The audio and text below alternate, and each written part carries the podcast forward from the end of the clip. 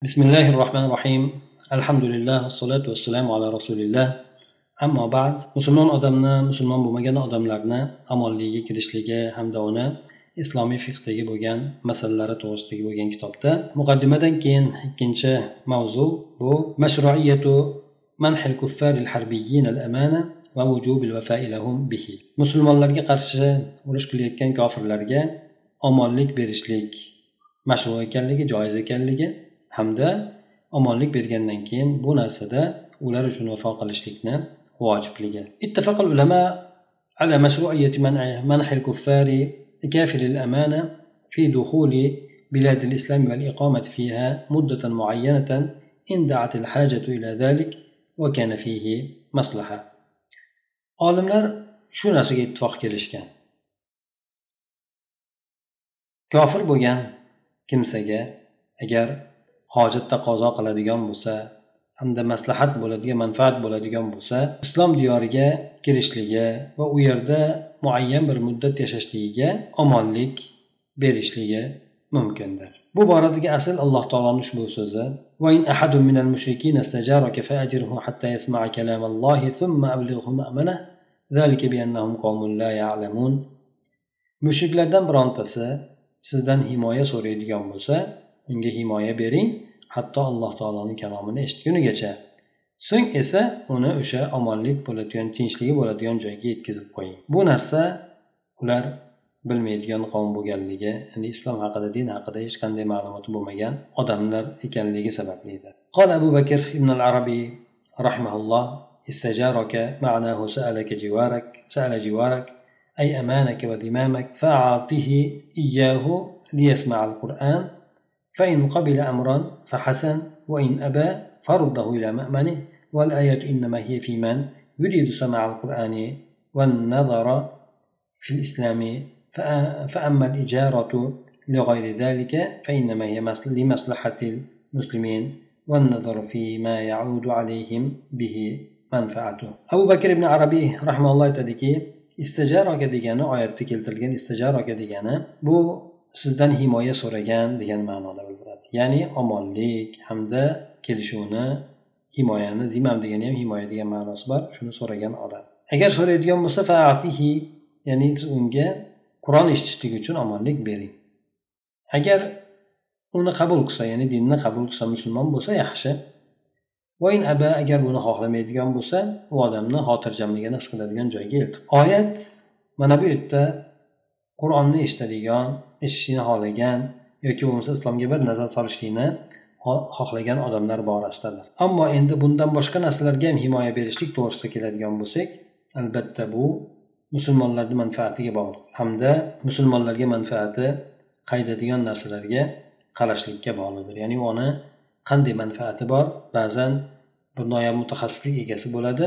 Musulmonlar diyoriga o'sha mutaxassislik bo'yicha kelib ishlashligi mumkin. mana shu narsalar demak unga himoya berishlikka sabab bo'ladi vaan ali ibn abi tolib roziyallohu anhu an nabiy sallallohu alayhi vasallam muslimin vahidatun يسعى بهم أدناهم فمن أخفر مسلما فعليه لعنة الله والملائكة والناس أجمعين. لا يقبل منه صرف ولا عدل. علي رضي الله عنه رواية قيان وحديثة پیغمبر صلى الله عليه وسلم أيتيت لركي مسلم الله جماعة يكدلدر birdir. Bu bilan ularni eng quyi tabaqasida bo'lgani ham harakat qiladi. Kimki bir musulmon odamni ahdini buzib qo'yadigan bo'lsa bu odamga alloh taoloni farishtalarni butun odamlarni la'nati bo'lsin. Alloh taolo unday bo'lgan odamdan hech qanaqangi narsani qiyomatda qabul qilmaydi. Sarfun vala adlun degani bir sarf ya'ni inson beradigan dunyo muqobilidagi bo'lgan narsani ham uni barobarini ham alloh taolo qabul qilmaydi degan. Ya'ni alloh taolo qiyomatda undan hech narsani qabul qilmaydi ya'ni uni olloh ham farishtalar ham butun odamlar ham la'natlaydi deb aytdi. Bu hadisni demak tushunadigan bo'lsak mana pastda ibn hajar rahmaulloh aytib o'tadilarki musulmonni zimmatul muslimina zimmasi ya'ni ularni beradigan himoyasi yakdil birdir. Ya'ni ularni omonligi omonat omonlik berishligi sahiy bo'ladi فإذا أمن الكافر واحد منهم حرم على غيره التعرض له وللأمان شروط معروفة agar musulmonlardan birontasi bir kofir bo'lgan odamga omonlik beradigan bo'lsa undan boshqa odamlarga unga muoriz kelishligi harom bo'ladi unga qarshilik qilishligi harom bo'ladi endi omonlik berishlikni ham o'ziga yarasha ma'lum bo'lgan shartlari bor baydoviy rahmaulloh aytadilarki العهد وسمي به لأنه يذم متعاطيها على إضاعتها. ala idoatiha zimma degani bu ahd qilishlik kelishuv qilishlik degani nimaga shunday deb nomlandi sababi unga berilgan odam uni qilib shug'ullanayotgan odam uni zoya qilib qo'yadigan bo'lsa o'shanga ko'ra malomat qilinadi shunga binoan demak ahd deyildi demak ahdni buzib qo'yadigan bo'lsa qattiq malomat qilinadi shunga zimma deb aytildi deydi degani ya'ni uni o'zi boshqash bo'ladi boshqaradi yoqqa bu yoqqa borib keladi degan ma'nosida ma'nosi shuki صدرت من واحد أو أكثر شريف أو وضيء فإذا أمن أحد من المسلمين كافرا وأعطاه ذمة لم يكن لأحد نقضه ma'nosi shuki musulmonlarni zimmasi beradigan ahdi bu barobardir. Farqi yo'q. Bu bitta odam tomonidan beriladimi kofirga yoki ko'p odam tomonidan beriladimi obro'li bo'lgan odam tomonidanmi yoki obro'si past bo'lgan odam tomonidan beriladimi farqi yo'qdir. Agar musulmonlardan birontasi bir kofirga omonlik beradigan bo'lsa va unga himoya beradigan bo'lsa musulmonlardan birontasi uchun uni buzishligi mumkin emas. Bu narsada erkak ham ayol ham hur odam ham qul odam ham barobar bo'ladi. Omonlik berishlikda.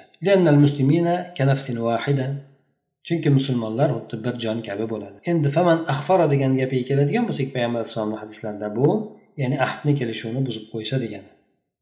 Aytiladiki xafartuhu alfin ammantuhu. Agar xafartuhu bo'ladigan bo'lsa alif keltirmasdan axfartu degan alni keltirmasdan aytiladigan bo'lsa men unga omonlik berdim degani.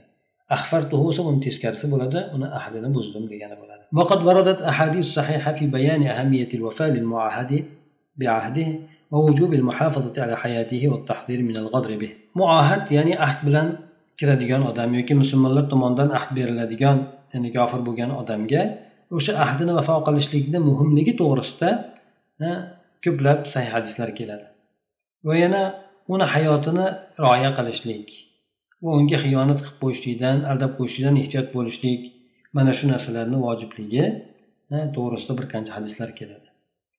Abdulloh ibn amr ibn as roziyallohu anhudan rivoyat qilinadiki u kishi payg'ambar alayhisalomdan rivoyat qiladi. U zot aytadilarki man qotila nafsan muahadan lam yarah roihatal janna va inna rihaha tujadu min masirati arba'ina aman kim bir ahd bilan kirgan kelishuv bilan kirgan bir insonni o'ldirib qo'yadigan bo'lsa bu odam jannat hidini ham hidlamaydi. Albatta jannat hidi qirq yillik masofadan kelib turadi deydi. Bu ham qattiq vaidki demak musulmonlar ahd bergan odamni o'ldirishlik mumkin emasligiga boshqa bir rivoyatda keladi man qatala qatilan min ahli zimmati lam yajid rihal jannati va inna rihaha la yujadu min masirati arba'ina ama kim bir ahli zimmadan bo'lgan ish kelishuvda bo'lgan odamni o'ldirib qo'yadigan bo'lsa bu odam jannat hidini ham topmaydi albatta jannat hidi falon ya'ni qirq yillik masofadan kelib turadi undan keyingi hadis abi bakra saqafiy roziyallohu anhudan rivoyat qilinadi aytadilarki قال رسول الله صلى الله عليه وسلم من قتل معاهدا في غير كنه حرم الله عليه الجنة kimki bir ahd bilan kirgan kofir bo'lgan odamni o'zini noo'rin bo'lgan vaqtida o'ldirib qo'yadigan bo'lsa alloh taolo unga jannatni harom qiladi deydi. Noo'rin bo'lgan vaqti o'sha bir qasos uchun yoki boshqa o'ldirilishi kerak bo'lgan e, islomiy tomondan shunga hukm qilinadigan bo'lsa ana undan boshqa bo'lgan o'rinda o'ldirib qo'yiladi o'ldirib qo'yadigan bo'lsa alloh taolo bunga jannatni harom qiladi dedi undan keyingi bo'lgan hadis abu roziyallohu anhudan rivoyat qilinadi. Annabiy sallallohu alayhi vasallam وسلم قال ألا من قاتل نفسا معاهدا له ذمة الله وذمة رسوله فقد أخفر بذمة الله فلا يرح فلا يرح رائحة الجنة وإن ريحها لا يوجد min masirati sab'ina am boshqa bir hadisda bu hadis abu roziyallohu anhudan rivoyat qilingan ekan aytadiki payg'ambar sallallohu alayhi vasallam aytdilar kimki bir ahd bilan kirgan kofir bo'lgan odamni o'ldirib qo'yadigan bo'lsa ya'ni uni ollohni zimmasi rasulni zimmasi berilgan alloh tomonidan omonlik zimma berilgan kofir bo'lgan odamni o'ldirib qo'yadigan bo'lsa bu odam alloh taoloni zimmasini buzib qo'ygan bo'ladi hamda bu odam jannat hidini ham topmaydi jannat hidi esa yetmish yillik masofadan kelib turadi deb bu hadisda aytadi فدلت الآية الاستجارة وهذه الأحاديث على أن من قدم من دار الحرب إلى دار الإسلام في أداء رسالة أو تجارة أو طلب علم أو سياحة أو في طلب صلح أو مهادنة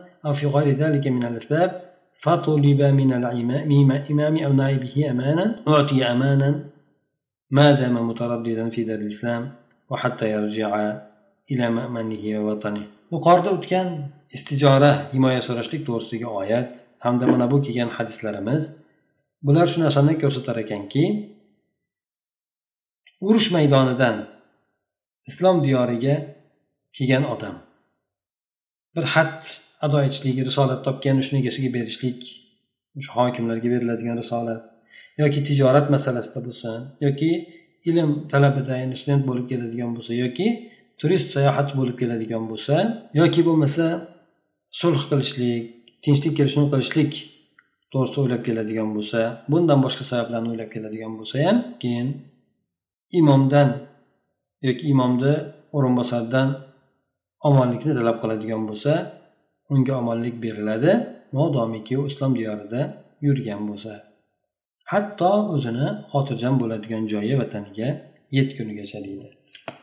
Demak yuqoridagi bo'lgan hadislar qattiq o'sha kelishuv bilan kirgan odamni o'ldirib qo'yishlik to'g'risidagi qattiq vaidlar ekan. Chunki musulmonlarni bergan ahdi juda qimmatlik turadi.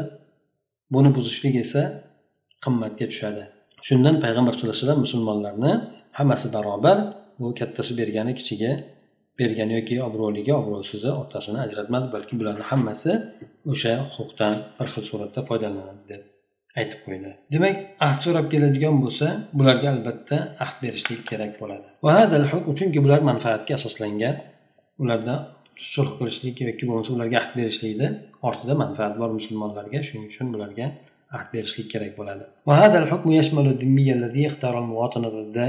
في بلد إسلامي من باب أولى فقتل فقتله أعظم من قتل المعاهد والمؤمن لمدة مجددة محددة. ولهذا ترجم البخاري رحمه الله على الحديث الأول بقوله باب اسم من قتل ذميا بغير جرم. bu hukm islomiy diyorda doimiy suratda yashab turishlikni tanlagan zimmiy bo'lgan odamga erta qachon qo'llaniladi yoki albatta ularga erta qachon muomalasini qilinadi rioya qilinadi.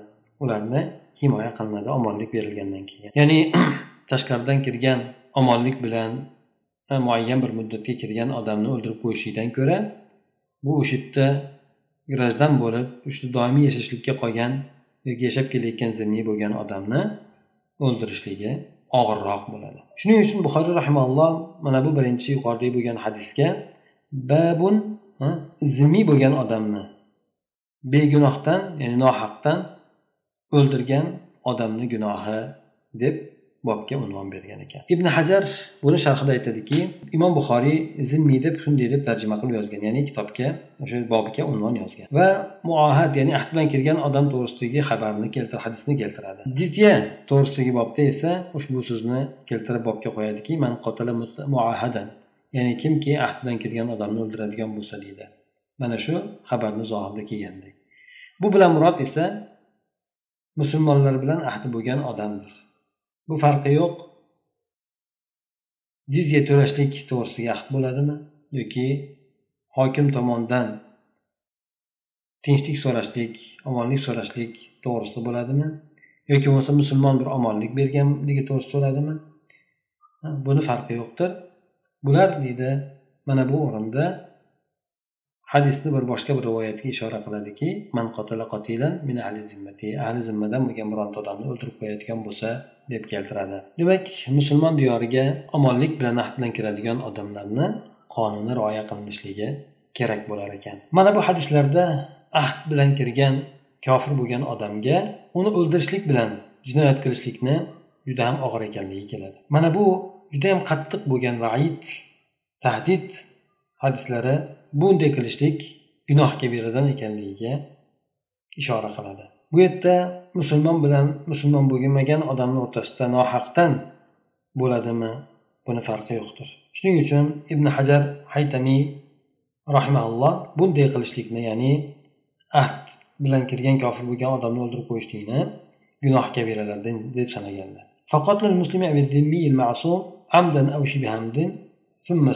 E, ya'ni gunoh kabiralardan shu bo'ladiki musulmon bo'lgan odamni yoki gunoh emas qoni himoya qilingan zimmiy bo'lgan odamni qasddan yoki qasdga o'xshagan qilib o'ldirishlik bu gunoh kabiradan hisoblanadi. Qasddan bo'lgan o'ldirishlik inson masalan aytaylik bir o'q bilan otib aniq o'ldirishlik bo'ladi. Shibha am deb turib ya'ni qasdga o'xshab ketadigan degani masalan inson o'zi odatda bir odamni bir uradi o'lib qoladi o'zi shu urgan narsasi bilan odam o'lmaydigan narsa. Lekin bu odam o'sha odamni o'zi achchig'i kelib urganligidan o'lib qoldi endi. Mana shuni shibham deyiladi. Bu odam qasddan qilgani yo'q qasddan qilganga o'xshaydi. Hmm, qasddan qilmadi lekin qasddan qilganga o'xshaydi. Ya'ni u odam o'ldiradigan e, bir asbob bilan uni urgani yo'q lekin bu odam o'lib qoldi. So'ngra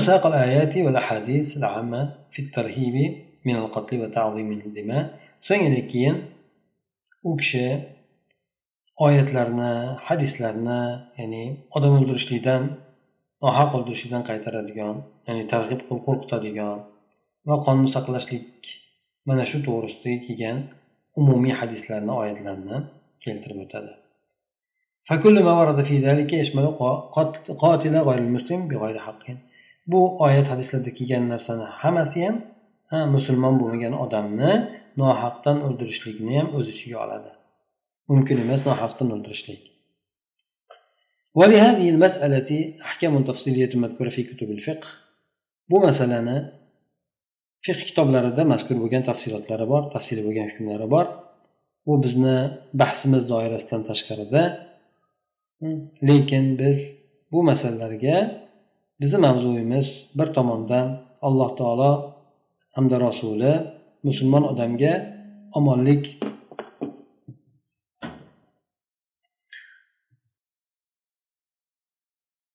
alloh taolo va rasuli musulmon odamga omonlik ahdiga vafo qilishlik va o'sha ahdni taqozo etadigan narsalarni lozim tutishlik mana shu narsalarni vojib qiladi. Bu ikkala holatda ham.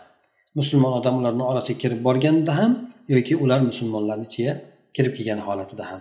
Mana shu ikkala holatda ham musulmon odam albatta bergan zimmasiga olgan ahdni albatta rioya qilish kerak yoki bo'lmasa boshqa bir musulmon odam ahd bergan bo'lsa u odamni ahdiga bu musulmon ham rioya qilib o'sha omonlik bergan odamni qonini nohaqdan to'kishligi mumkin bo'lmaydi. Shuni rioya qilishligi kerak bo'ladi. Mana shuni alloh taolo hamdu rasuli bir tomondan vojib qilgan. Biz mana shuni uchun bu yerda bir qator bu masalani yuzaki suratda aytib o'tib ketdik. Aslida bu masalalarni tafsilotlari fiq kitoblarida keng kengchil bo'lgan suratda keladi deydi.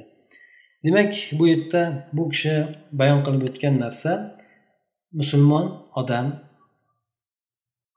musulmon diyoriga omonlik ahd bilan kiradigan bo'lsa ya'ni buni musulmon hokim ahdlik beradimi yoki musulmonlardan birontasi ahd omonlik beradimi o'sha yerda u bergan odamni rioya qilish kerak hamda o'sha ahd berilgan odamga bironta bir nojo'ya harakat qilib unga zulm berishlik boshqa narsalarni qilmaslik kerak. Modomiki u avvalo mana shart shartlar bo'ladi. Albatta bu yerda fuqarolar bu narsalarni ham ko'rib o'tishgan. Albatta bir razvedka sababli kiradigan josuslik uchun kiradigan boshqa odamga kiradigan bo'lsa bularni albatta o'ziga yarasha muomala qilinadi. Lekin umumiy suratda inson bir talabi ilm uchun kiradigan bo'lsa yoki bir vazifani ado etishlik yoki tijorat yoki boshqa maqsadlarda kiradigan bo'lsa albatta ularni o'ziga ham moliga ham tajovuz qilishlik mumkin bo'lmaydi. Garchi bu musulmonlar bilan urushda bo'lib turgan qavmni tomonidan kelgan odam bo'lsa ham سبحانك اللهم وبحمدك نشهد أن لا إله إلا أنت نستغفرك ونتوب إليك. اللهم انفعنا بما علمتنا وعلمنا ما ينفعنا وزدنا علما.